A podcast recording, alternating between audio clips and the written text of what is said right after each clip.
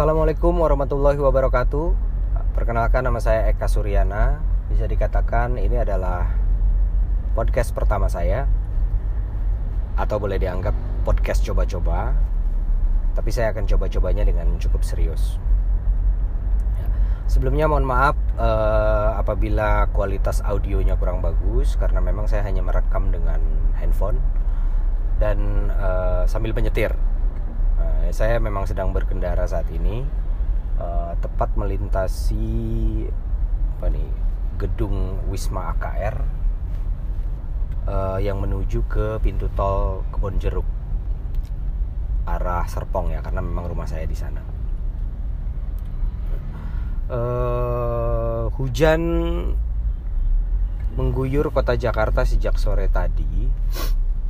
Uh, tidak terlalu lebat tapi cukup untuk menciptakan kenangan-kenangan air. Maksudnya genangan. Dan menambah kemacetan. Jadi kalau biasanya saya hanya membutuhkan 10 sampai 15 menit dari kantor untuk masuk tol. Ini sudah setengah jam saya belum belum belum juga masuk tol. Sudah setengah jam lebih ya. Ya. Um, kalau bicara tentang macet dan banjir itu seakan menjadi pasangan serasi yang senantiasa hadir di kota Jakarta di setiap musim penghujan. Jadi uh, ya sepertinya topik inilah yang yang yang yang akan saya bicarakan di podcast pertama saya ini. Ya, saya ingat uh, saya pernah membaca sebuah tulisan uh, di mana penulisnya ini adalah seorang ahli sejarah. Sebetulnya tulisan itu berkaitan dengan kejadian ribut-ribut ya istilahnya kalau sang penulis bilang ribut-ribut bukan konflik. Jadi uh, ribut-ribut di Papua yang terjadi baru-baru ini yang memang dipicu oleh uh, kalau nggak salah ya dipicu oleh aksi aksi rasisme. Nah, uh, ya beberapa kali mungkin kita mendengar ada keributan di di sana atau konflik di di, di Papua. Itu selalu dihubungkan dengan uh, adanya keinginan mungkin sebagian kalau tidak seluruhnya sebagian dari orang Papua untuk merdeka atau memisahkan diri dari NKRI itu yang eh, itu yang sering kita dengar. Uh, walaupun saya nggak tahu ya beberapa kali saya ke Papua sih bicara dengan rekan-rekan Papua sepertinya nggak pernah saya me mendengar ekspresi tentang itu ya tentang keinginan untuk merdeka. Nah makanya saya katakan mungkin itu sebagian orang Papua yang mungkin ingin memisahkan diri dari NKRI nah, kalau kita ngobrol tentang hal ini di di sini gitu di Jakarta atau di daerah lain di luar Papua uh, saya suka mendengar ada orang yang bertanya uh, memangnya kalau Papua memisahkan diri atau merdeka mereka bisa mengurus diri sendiri? Atau jangan-jangan nasib mereka akan lebih buruk lagi kalau uh, mereka merdeka gitu? Mereka memisahkan diri dari Indonesia. Ya. uh, beberapa kali saya mendengar tentang apa uh, statement seperti itu atau pertanyaan seperti itu yang biasanya sih saya jawab dengan pertanyaan balik jadi seandainya dulu uh, ketika kita apa mempersiapkan kemerdekaan Indonesia kemudian uh, pemerintah atau ada orang Belanda yang menanyakan ke kita memangnya uh, kalau kamu memisahkan diri atau keluar dari kolonialisme Belanda dan merdeka itu kalian bisa mengurus diri sendiri atau apakah nasib kalian jauh akan jauh lebih baik dari dari dari ketika di bawah uh, koloni Belanda. Nah, kalau kita mendengar pertanyaan seperti itu, saya yakin siapa pun orang Indonesia akan kemudian akan tersinggung dan merasa bahwa pertanyaan itu tidak relevan karena uh, ya kemerdekaan itu adalah hak segala bangsa. Uh, lepas dari uh, apa pun hasilnya nanti setelah kita merdeka ya, uh, itu bukan urusan mereka untuk menanyakan hal itu. Nah, jadi uh, ketika saya sampaikan hal itu ke uh, misalnya teman saya gitu uh, biasanya kemudian uh, apa uh, pengertian pengertian mereka tentang hal tentang uh, apa uh, keinginan dari sebagian orang Papua untuk merdeka kemudian lebih lebih baik gitu. Nah, uh, ya balik lagi ke uh, tulisan yang saya baca itu. Jadi dikatakan bahwa uh, pada tahun 50, 1950 atau sekitar tahun 50-an itu di Jayapura itu sudah ada 20 bioskop yang berdiri. Gitu kan. Jadi ah, saya nggak tahu ya. Bahkan saya sendiri gitu uh, suka beranggapan uh, kalau melihat kondisi saat ini di Papua mungkin ya saya lihat beberapa kota saya pernah datang ke beberapa kota gitu. Uh, anggapan saya mungkin 60 tahun yang lalu uh, ada beberapa tempat yang memang mungkin masih hutan belantara gitu kan. Ya termasuk mungkin Jayapura pun saya tidak membayangkan bahwa Jayapura di 60 tahun yang lalu itu sudah punya 20 bioskop. Nah, jadi bisa jadi parameter seberapa maju sebuah kota saat apa kota Jayapura saat itu gitu. Ya kan? Nah, um, waktu itu tahun 50 itu Jayapura memang masih di bawah kekuasaannya ya kalau tidak tidak salah sih ada sebuah uh, ada seorang gubernur jenderal ya yang yang juga apa uh, berkuasa di di di Papua. Artinya uh, masih di bawah koloni Belanda, uh, belum masuk ke NKRI, gitu kan. Nah, um, balik lagi uh, ke Jakarta, kemudian saya juga ya mau tidak mau saya ingin ingin mencoba membandingkan Jakarta dengan uh, kota-kota di Belanda, terutama Amsterdam, yang saya saya pernah dua kali ke kota itu karena urusan pekerjaan. Uh, jadi kalau lihat di Amsterdam itu, saya uh, waktu yang terakhir kali itu saya uh, naik boat ya. Jadi uh, ada istilahnya hop on hop off kalau di kota-kota di Eropa itu biasanya dalam bentuk bus bus ya bis jadi uh, hop on off hop off itu artinya kalian bisa naik turun kapan saja dan bayarnya cuma sekali gitu dalam satu hari. Nah kalau di Amsterdam itu selain hop on hop off bus ada juga yang untuk boat gitu kan.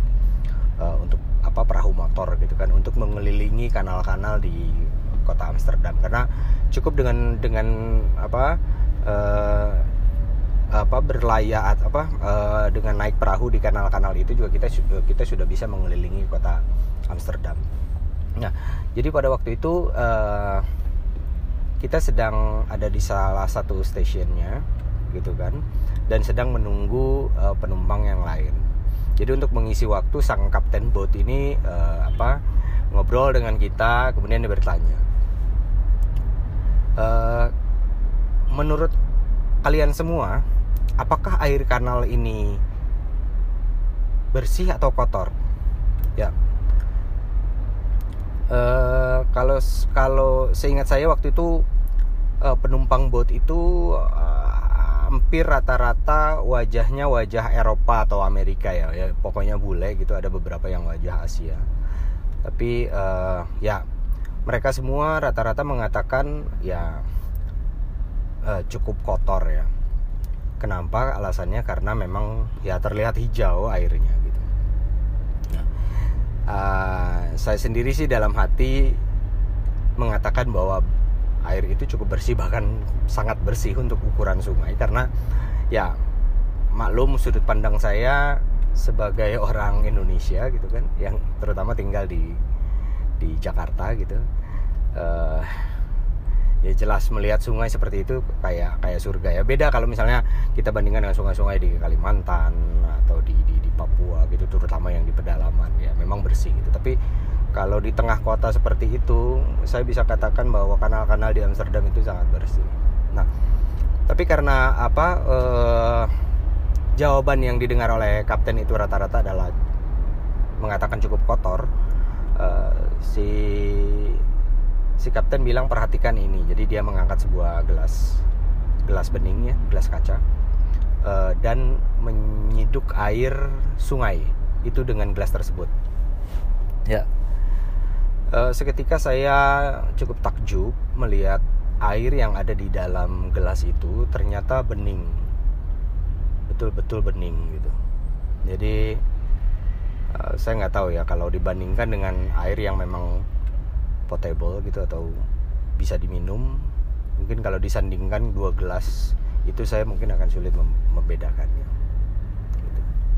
jadi uh, si kapten itu kemudian menjelaskan kenapa kenapa air di kanal ini bisa bersih jadi dia bilang bahwa dinas terkait uh, mungkin di kota Amsterdam atau atau di di negara Belanda itu memang uh, mengatur bagaimana supaya kualitas air di kanal ini bersih.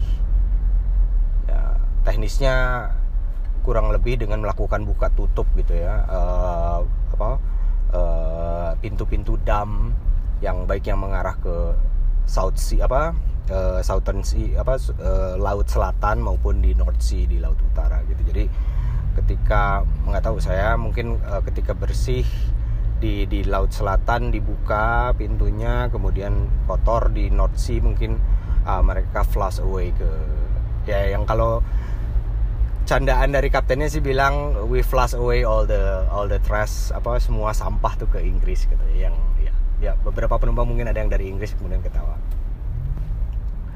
Ya uh, kembali saya takjub dengan penjelasannya. Kenapa? Karena untuk ukuran kota yang setahu saya berada di bawah permukaan laut ya ketinggiannya.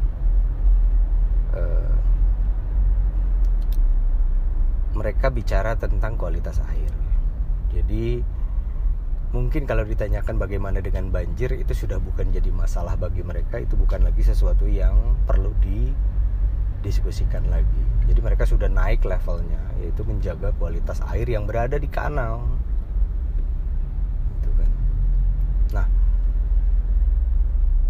e, balik lagi tadi ke pertanyaan apa? E, apakah kalau misalnya Indonesia merdeka dulu, dulu gitu ya, di, kalau ditanyakan apakah ketika kalau Indonesia merdeka akan lebih baik?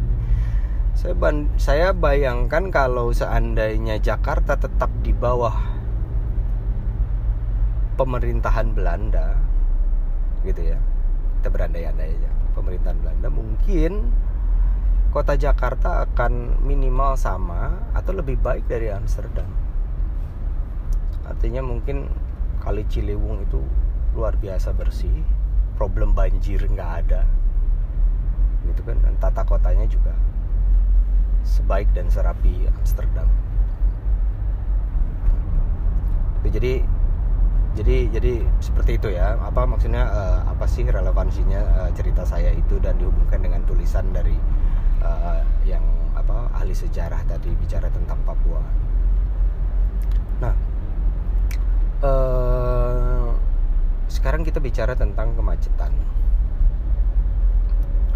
ya macet saya sudah bisa cukup yakin bahwa penyebab utama adalah volume kendaraan yang terus meningkat. Ya, dari dari data yang pernah saya baca, itu katanya pertumbuhan sepeda motor di Jakarta itu dalam satu hari ya pertumbuhan sepeda motor baru dalam satu hari di Jakarta itu mencapai angka 600 unit sepeda motor baru per hari. Dan untuk mobil itu mencapai 200 unit motor baru per hari. Ya bisa dibayangkan ya betapa kreditnya Jakarta gitu kan? Nah eh, yang artinya eh, bahkan pembangunan infrastruktur jalan itu tidak serta merta menjadi solusi. Karena apa? Eh, pertumbuhan pertumbuhan eh, volume kendaraan dan pertumbuhan jalannya memang jauh sangat tidak tidak apa tidak uh, tidak seimbang. Sekarang kalau kita kita bandingkan lah misalnya kita bayangkan ya misalnya uh, untuk membangun sebuah uh, jalan layang misalnya anggaplah uh, uh, jaraknya sekitar 5 km gitu. Yang panjangnya sekitar 5 km mungkin membutuhkan waktu selama 2 tahun. Ya kan? Dan mungkin teman-teman bisa bayangkan dalam 2 tahun atau bisa di bisa diambil kalkulatornya ya. Kalau tadi 600 motor per hari dikali berapa sebulan kemudian dikali berapa dalam 2 tahun. Mobilnya juga gitu kan. Artinya uh, impact atau apa uh, pengaruh positif dari dari pembangunan jalan itu mungkin hampir tidak terasa karena pertumbuhan kendaraannya yang yang luar biasa gitu. Jadi itu ya uh, apa uh, uh, tentang uh, bagaimana uh, apa uh, pembangunan infrastruktur jalan atau pertumbuhan jalan itu tidak bisa mengatasi kemacetan. Dan ya memang saat ini pemerintah uh, sudah mulai membangun yang namanya LRT dan MRT dan buat saya suka nggak suka itu adalah keputusan terbaik. Gitu kan. Walaupun sangat sangat sudah sangat sangat terlambat. Kenapa saya katakan begitu? Karena mungkin kalau kita bandingkan dengan kota-kota seperti Kuala Lumpur atau Bangkok gitu kita nggak usah bandingkan dengan Singapura deh. Itu kalau di Kuala Lumpur atau Bangkok mungkin sejak awal 2000-an mereka sudah bangun atau mungkin bahkan sebelumnya.